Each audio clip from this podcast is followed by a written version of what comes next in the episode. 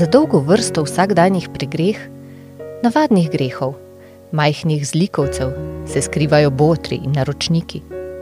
Globlji grehi, bolj prikriti, manj vidni. Dobro skrite velike živine, ki se znajo zavarovati. Prebrisanci in mogočneži. Glavni skratka.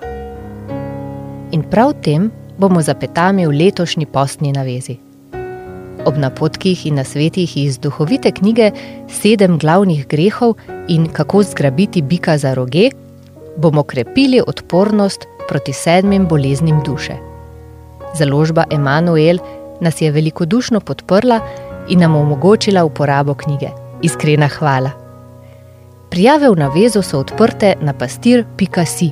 Gradivo za osebno delo bo trikrat tedensko prihajalo v vaše e-poštne nabiralnike, delček tudi v tedenskem podkastu. Pa z veseljem na pot.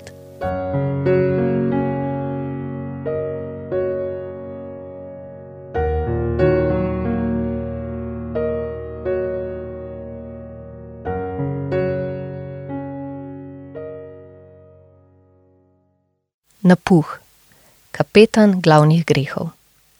Spoznajmo kralja skupine, rumeno majico glavnih grehov.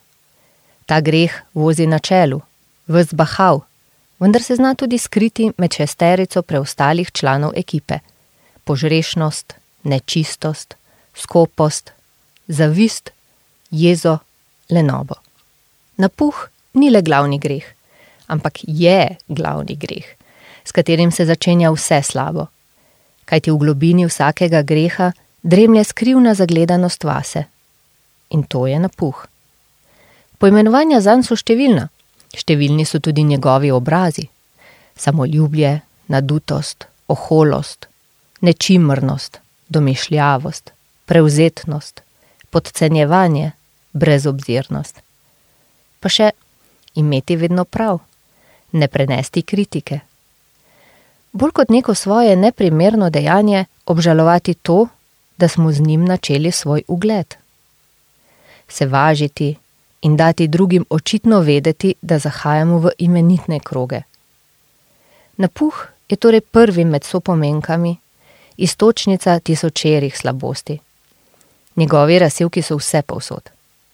Pazite, skriva se vsakomer izmed nas. Greh napuha se kaže v dveh oblikah. Prva je sebičnost. Sebičnež je v središču samega sebe. Ne deluje ne za božjo slavo, ne za ljubezen do bližnjega, ampak zgolj zase. Napravite test. Na koga najprej pomislite zjutraj? Na se? Na prijatelje? Na tiste, ki so se zaupali vaši molitvi? Na svoje otroke? Na Boga? Druga oblika napuha je bolj premetena: neodvisnost.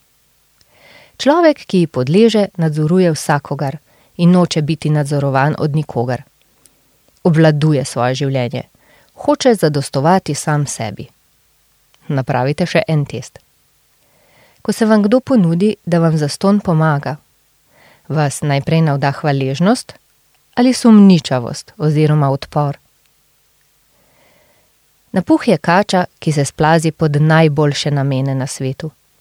Težko ga opazimo iz treh razlogov. Prvič, nadeva si krinke. Pogosto je skrit za perfekcionizmom ali za navidezno ponižnostjo. Drugič, dokazuje svojo upravičenost.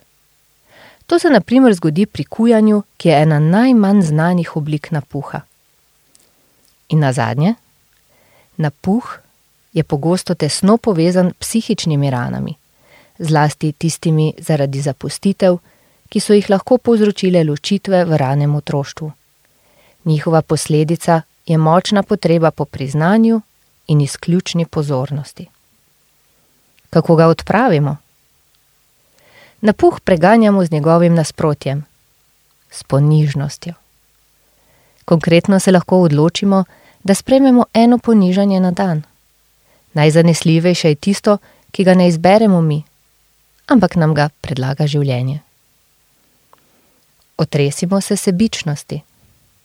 Naučimo se dajati skrivoma, ne da bi kdo vedel.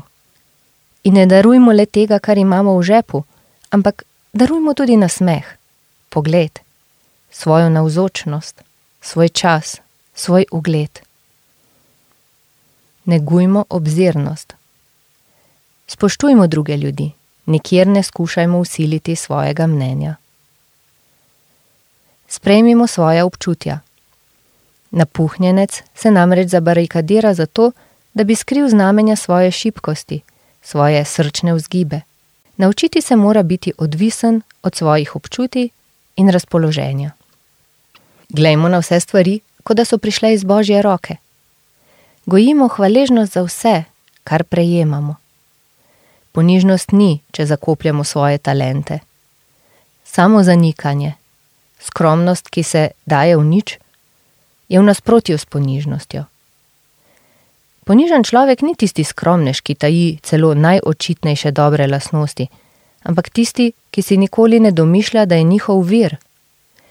Ponižnost je torej to, da se vsem sprejemamo od Boga. Ne podcenjujmo se.